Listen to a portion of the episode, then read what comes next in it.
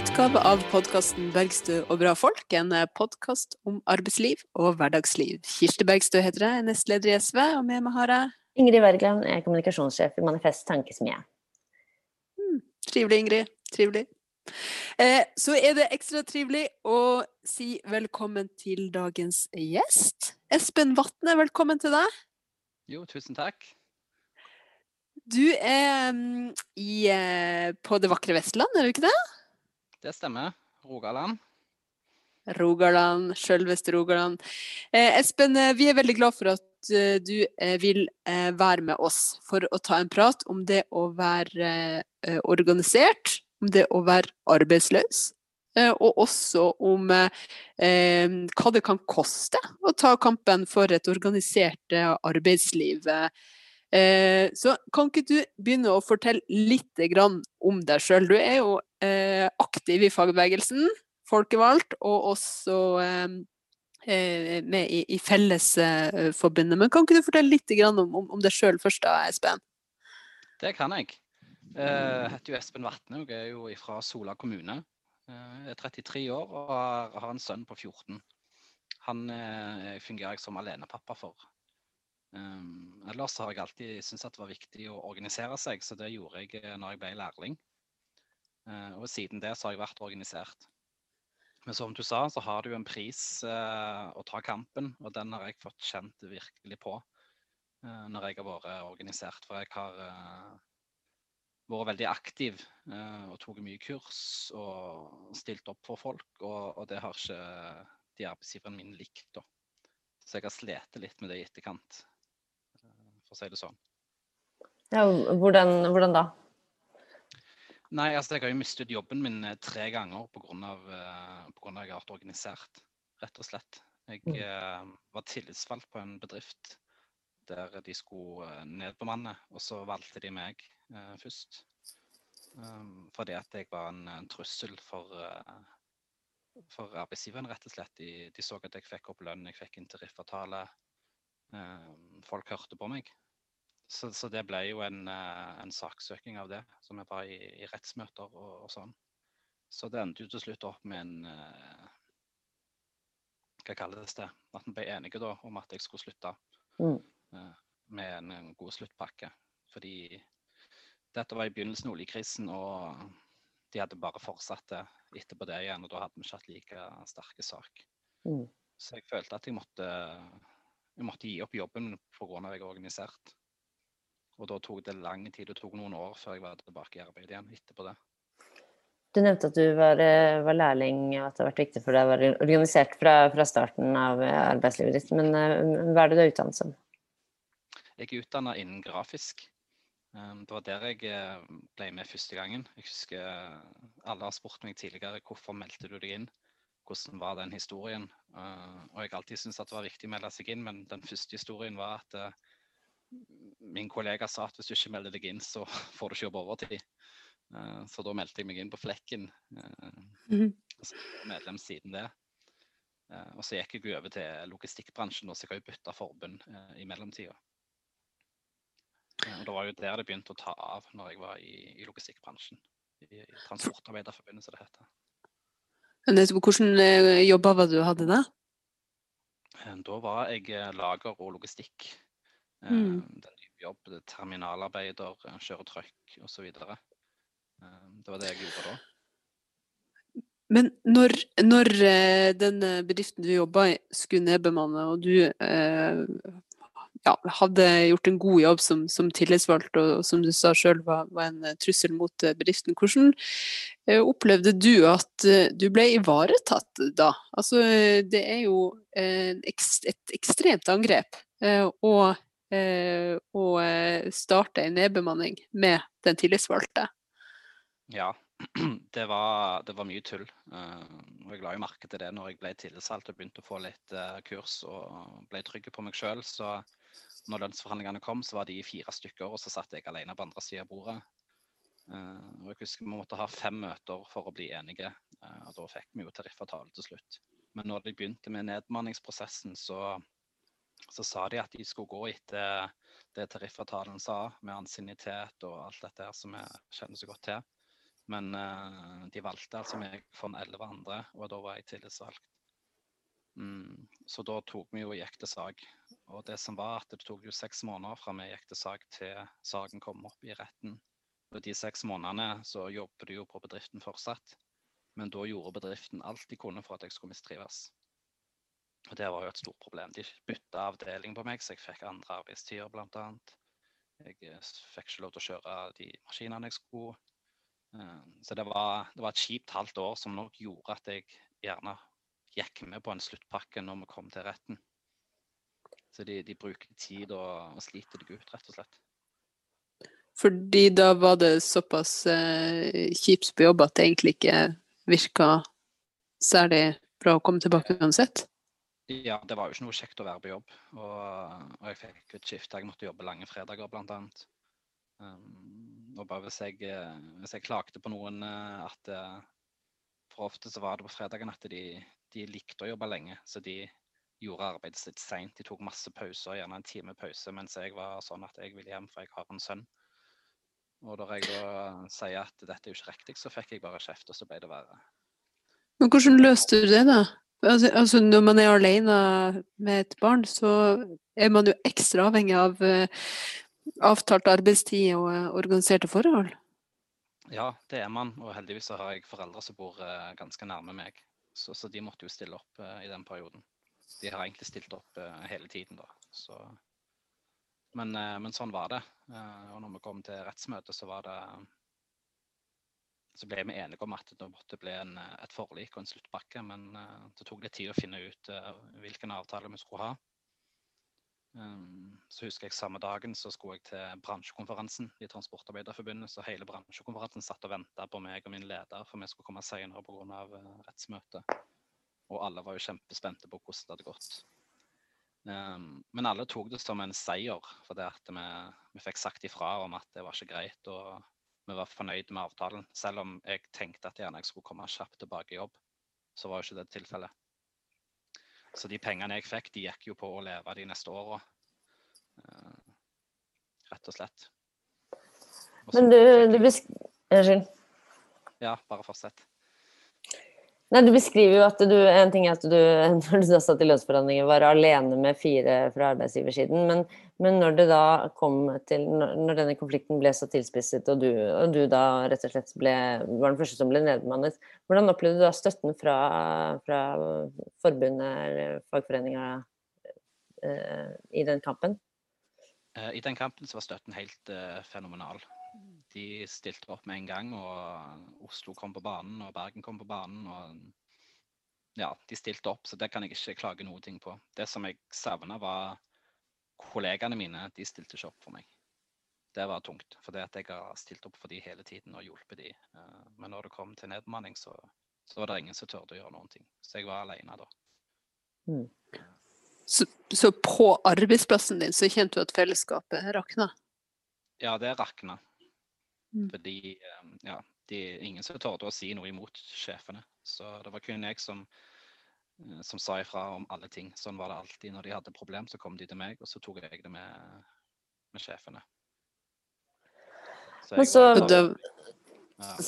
så, var det nødt til ja, så, Som du sa, så var det jo dette da, eh, da det var olje eller krise i oljebransjen. Da. Så du gikk noen år uten jobb. Hvordan, hvordan var de årene? De var lange og tunge. Ehm, jeg tenkte at de første to-tre månedene var ganske deilige.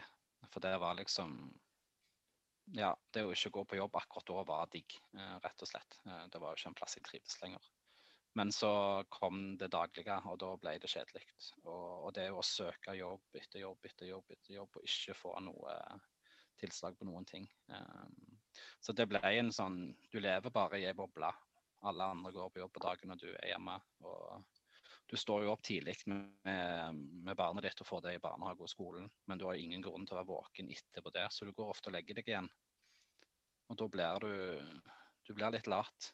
Du, liksom, du får ikke den energien du vil ha i hverdagen. Og du mister gleden av helger. Ikke sant? Helger det er ikke noe som gleder seg. Nå er det fredag.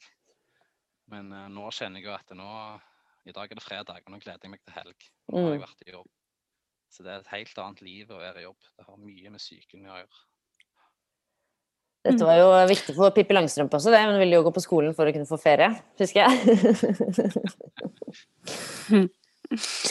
Men eh, i den tida du var arbeidsløs, eh, da vil jeg jo tro at du eh, søkte jobber og gjorde det du kunne eh, for å, eh, for å, eh, for å få en fot innafor igjen. Ja da, det gjorde jeg absolutt. Eh, Men det var perioder der du så at det er ingenting som funker. Eh, Mm. Så du slutta å søke jobb gjerne i en måned og to. Eh, For du, når du kun får Vi har mottatt søknaden din, og så går det tre uker, og så vi har valgt en annen kandidat. Når det er det som er svaret ditt eh, hele tiden, så, så mister du litt mot etter hvert. da. Så du trenger en pause. og ja. Men så, så løsner det seg jo på en eller annen måte, og det gjorde det jo etter hvert. Jeg fikk jo en, eh, jeg fikk jo en jobb. Eh, Jeg fikk faktisk to jobber samtidig. Mm -hmm. Og det var veldig vanskelig òg, fordi jeg fikk en sommerjobb eh, på, på Coop, på lager der, i tre måneder. Så hadde jeg jobb der en uke, og så fikk jeg en jobb i National Oilwell på seks måneder. Og da valgte jeg den National Oilwell-jobben. Så da, da sa jeg ifra til, til Coop at jeg er veldig lei meg, og, og sånn, men jeg må tenke på hva som er best for meg og mitt barn. Og, og de hadde veldig forståelse for det, og de var ikke sinte, og det var ingen problem. Og, så jeg begynte jo da i, i National um, som inspektør, noe helt nytt som jeg ikke hadde jobbet med før. Kom inn, og det var en, eh, en kjempetung jobb. Jeg tok av jeg tror det var åtte kilo på to uker. Altså, det var kjempetungt. Altså Det var tungt fysisk? Ja, veldig fysisk, ja. Oh, ja. Det, handler om drillpipes. Ins- og hei- Unnskyld at jeg sier det, men uh, inspektør, det hørtes så veldig sånn Gå rundt og kikke litt og peke og undersøke Ja, noen papirer. Det, det er nok sikkert mange forskjellige inspektører, men her var det jo å kontrollere alle tools og drillpipes som skal ut til riggene, at de er godkjente. Og de skal vaskes og renses og ja. Så det, så det var mye jobb. Um, men det var veldig kjekt. Um, så hadde jeg vært der i to måneder. De var veldig fornøyd med meg. Og så fikk jeg da innkalling til landsmøte. Og da satt jeg hjemme og tenkte Skal jeg eh, Hvordan skal jeg gjøre dette? For jeg har en dårlig erfaring med å eh, fra den andre bedriften. For jeg hadde ikke sagt at jeg organiserte denne bedriften. For jeg tenkte at jeg skulle holde de to uh, separert denne gangen. Men jeg ble innkalt til landsmøte.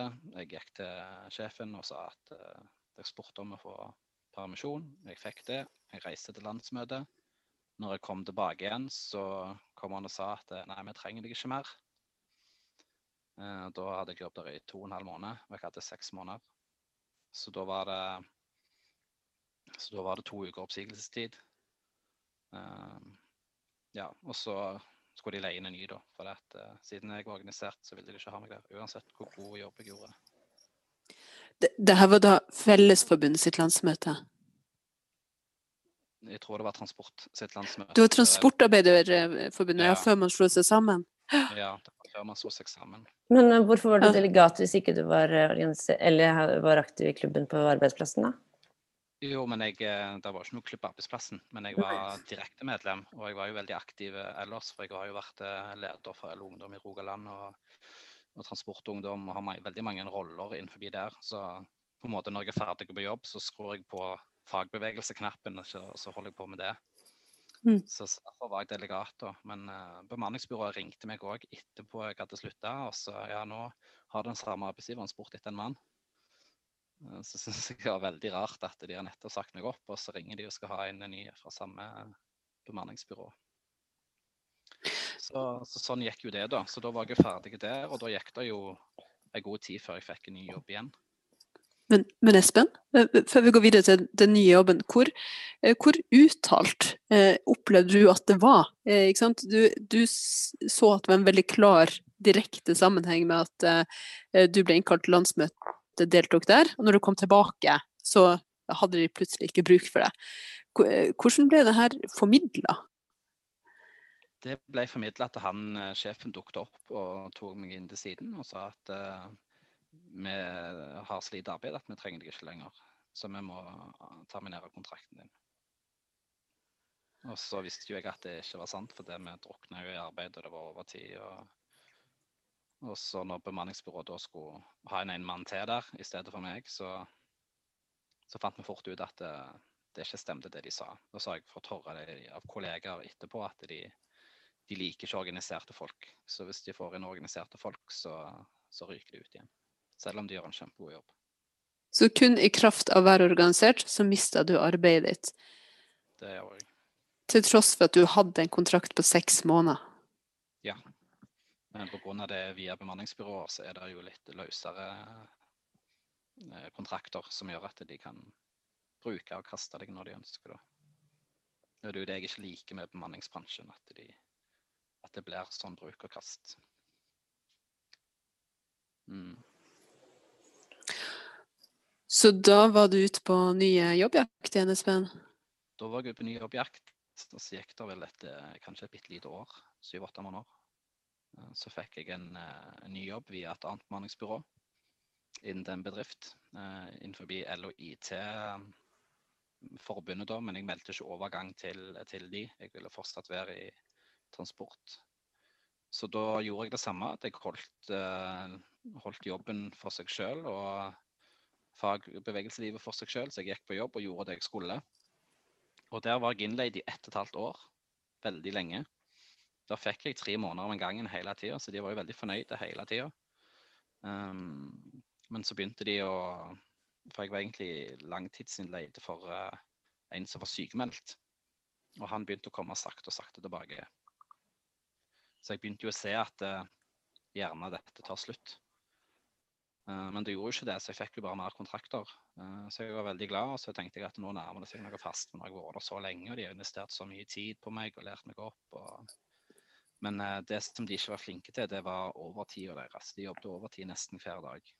Og de planla overtid, og det var, det var ikke helt eh, bra. Og jeg kunne ikke være den personen som var tre, tre og en halv time ekstra på jobb hver dag. Eh, for at det var så mye å gjøre, og at jeg hadde for lite folk. Så jeg gikk ofte hjem klokka fire, eh, mens eh, noen andre var igjen og jobbet overtid hele tiden. Eh, så når eh, jeg fikk beskjed om at eh, jeg ikke fikk forlenga, så sa, sa de til meg rett ut vi må ha inn noen som kan jobbe overtid. Så pga. at jeg ikke tok nok overtid, så mista jeg den jobben òg. Men var det ingen, eh, ingen form for avtalt eh, eh, avtaler knytta til arbeidstid og tillitsvalgte involvert i det på den arbeidsplassen? De hadde en klubb, men den fungerte ikke i det hele tatt. Jeg snakket med han, han klubblederen der, men han ble overkjørt hele tiden av ledelsen. Så han hadde ikke noe innflytelse. Så jeg tok kontakt med, med forbundet mitt, og så tror jeg vi var gått over til Fellesforbundet. Um, og de, um, de kunne ikke hjelpe meg. Det var liksom uh, Det var stopp her, på en måte. Uh, Jeg tror de hadde gjort det hvis de kunne, men uh, når de, tar, når de sier at de bare ikke forlenger, så, så kan man ikke gjøre så mye. Selv om grunnen er at, de, ja, at de ville ha, ha meg til å jobbe mer overtid. Men, jeg, men det kunne jeg jo ikke. Jeg kan ikke jobbe overtid hver dag eh, når du på en måte har, har en sønn å ta vare på. Og det visste de jo òg, men, men de tok jo ikke hensyn til det. Ja, så skal man jo ha ei helse å ta vare på. Du var jo tross alt inne fordi en annen var langtidssykemeldt, så det er jo åpenbart at det ikke er, er liv laga hvis målet er at man skal stå i arbeid med, med helsa i behold. Så Ja. først så mista du altså arbeidet, Espen, fordi at du var tillitsvalgt og tok kampen for dine arbeidskamerater. Og så mista du jobben rett og slett fordi du var organisert. Og den tredje gangen var det fordi du ikke ville eh, eller hadde mulighet til, eh, for den saks skyld, eh, å jobbe eh, overtid systematisk uten Mm. at det var en del av avtalen i det hele tatt. Ja, det stemmer. Så, så jeg mista jobben tre ganger pga. Ymse forhold da, i mitt hode.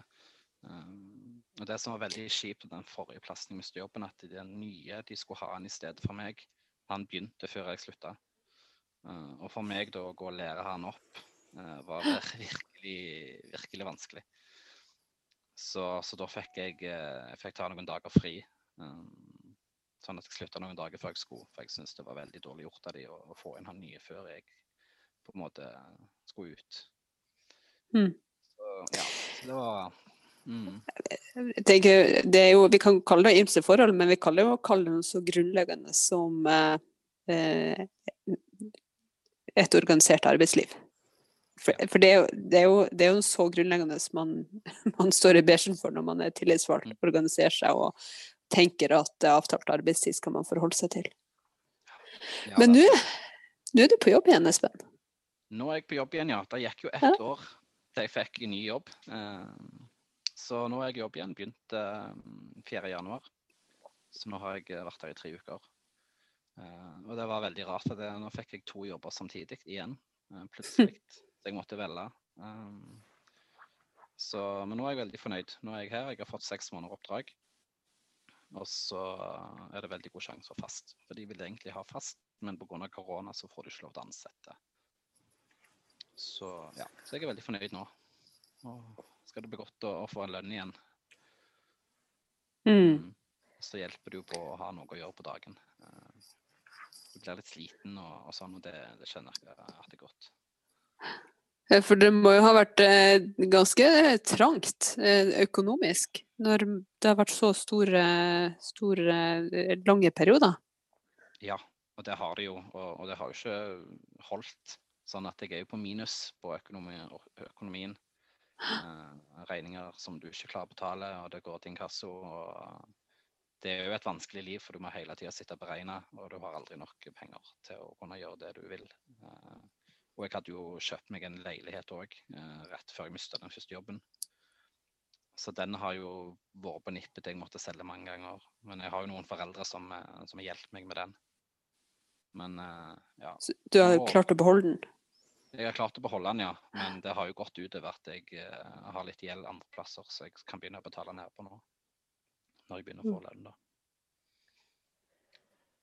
Så- Når, man, når jeg hører, eh, hører disse historiene du forteller, eh, Espen, så, så altså det, det syns jeg det er utrolig imponerende at du har klart å, å, å ja, komme deg opp igjen og sånn, for det er jo en veldig, sånn, det veldig tøffe, tøffe livserfaringer. Um, og så, og så er du, du er jo engasjert i fagbevegelsen, og du kjemper for faglige rettigheter og sånn, men, men, men jeg begynner også å tenke eh, blir du Du deler dem jo, og det er viktig historier å få ut, men samtidig kan du bli litt redd for at du, at du skremmer folk bort fra å organisere seg når du deler disse historiene? Absolutt. Det tror jeg. Fordi at det er, det er ikke bare dans på røde roser. Hvis du, hvis du Altså, det, den loven som skal beskytte deg, den er ikke god nok. Eh, bedriftene klarer å utnytte det. Så det, det er et lite men hvis du velger å bli skikkelig aktiv og, og gå videre med det. Så, så kan det være tøft og vanskelig. For det er veldig mange som er medlemmer som ikke gjør noe av seg. Eh, og de har det nok veldig greit. Men hvis du blir tillitsvalgt, så, så ligger det en, en menn der, og det er gjerne ikke alltid det kommer fram når du blir valgt som tillitsvalgt eller på kurs som du tar, at du må passe på ekstra deg sjøl. Så det skulle jeg ønske at det var mer fokus på. For jeg vet ikke om jeg hadde takket ja til å bli tillitsvalgt på ny arbeidsplass igjen etter disse tre eh, historiene mine, for å si det sånn. Nå er jeg Mm. mer at jeg vil, eh, jeg vil ha en jobb å gå til, og så kan jeg være organisert, men jeg vil ikke ha det ansvaret på jobben. Eh, Rett og slett. Hva tenker du at kan gjøres for å eh, trygge tillitsvalgte på en bedre måte? Og hva, og hva kan fagbevegelsen gjøre for å, for å ruste folk eh, til å møte den kampen mange faktisk går til? Det er jo, det er jo, eh, det er jo skeive maktforhold man skal eh, gjøre sitt virke i. Ja.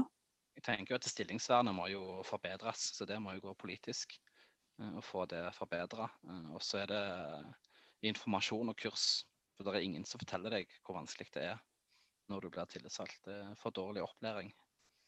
Um, Så det er nok to av de eh, tingene som kan, kan hjelpe. Eh, Og så er det jo dette nettverket, da. Du, mange er tilsatt alene på jobb. De har gjerne ikke en eh, en forening som er like aktiv og, og være ute og besøke dem og ha kontakt med dem og hjelpe de. Um, det har jeg lagt merke til på mine forskjellige forbund, at det er forskjell. Et forbund så hører du ingenting, og et annet forbund er veldig på deg og hjelper deg. Og så Mm. føler jeg at du har noen å snakke med, og noen du kan ringe til og spørre når noe er feil. Uh, det hjelper.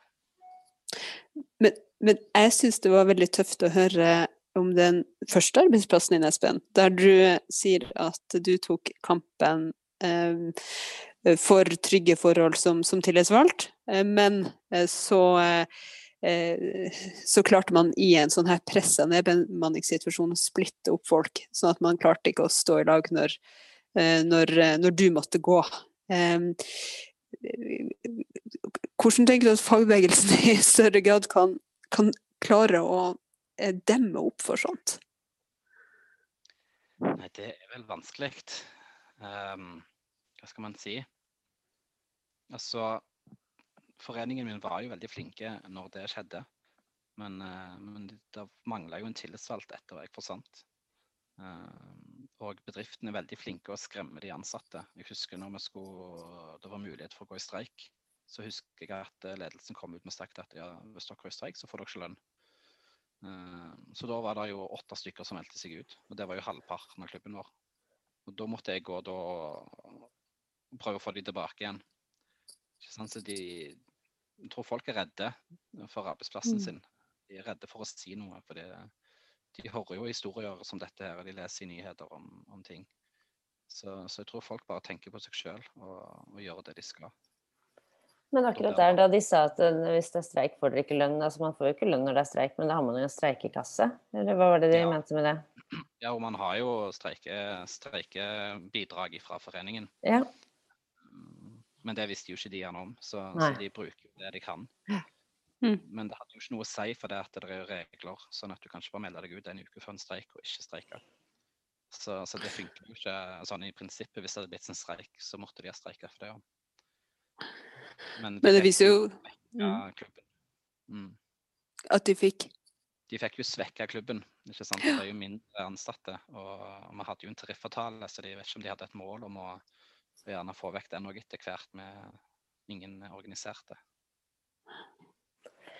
Men eh, nå var vi litt inne på dette med at det kan, måte, ja, det kan virke skremmende å høre den type historier. Og, og, du sier jo også selv nå at det, det ikke er sånn kjempefristende å bli tillitsvalgt, kanskje i hvert fall med det samme. Men, men samtidig tenker jeg at det er ganske viktig å få ut denne type fortellinger også. Fordi, fordi om vi bare får høre disse Erna Solberg da f.eks. stå og snakke om norske modellen og eh, fagbevegelsen og trepartssamarbeid og sånne ting, som, som det jo er mange festtaler om i, i norsk offentlighet, jevnt og trutt. Eh, eller eh, Harald Eia som står og har dette sånn er Norge og sånn er fagbevegelsen gjør det, og Som er sånn veldig sånn store institusjonelle beskrivelser av hvordan, eh, hvordan det norske samfunn har blitt bygget opp. Som jo er en, en, Det er en del av sannheten, det også, men det er det å synliggjøre at det er en, en daglig kamp på den enkelte arbeidsplass eh, som, som, som som rett og slett rammer, eh, rammer utrolig urettferdig, og, og, som hver og en må stå i. Da. Eh, og, og, beskrivelsen av hvordan det blir tøffere når, det, når, når ledelsen uh, bruker så kjipe metoder som ja, løgn og splittelse, liksom. Um, jeg tenker at det er veldig viktig, da. Absolutt. Og det er jo mange former for tillitsvalgt. Jeg er jo tillitsvalgt i dag, eh, sikkert skal ti roller som tillitsvalgt, men, men, det på arbeidsplassen den har jeg kjent på at den vil jeg skille litt på. For det, jeg har ikke hatt så gode erfaringer med det. Men uh, det er nok veldig mange gode historier òg om hva de får til. Og, og jeg fikk jo til tariffavtale. Og jeg var jo verneombud òg i noen år. Og fikk, eh, der fikk jeg til mye òg. Jeg fikk ny garderobe til, for jentene hadde ikke egen garderobe, og vi hadde ikke dusj. Og, så jeg fikk jo til de tingene jeg liksom satte meg til å få til. Men, men, du blir på en måte en utgiftspost for, uh, for din arbeidsgiver. Og når du har disse rollene i en, gjerne en større bedrift, så er det litt møter og sånn du må gå på. og Da er du vekke fra arbeidet ditt. Og da er det noen andre som må ta over arbeidet ditt. Uh, og da er det gjerne kollegaer som blir uh, sure, eller ja, for at du på en måte er litt vekke, da. Og det er jo noen kurs og sånn òg som du reiser på, så, så, det blir jo noen dager fri og der. Og det, det er gjerne ikke så populært alltid. Mm.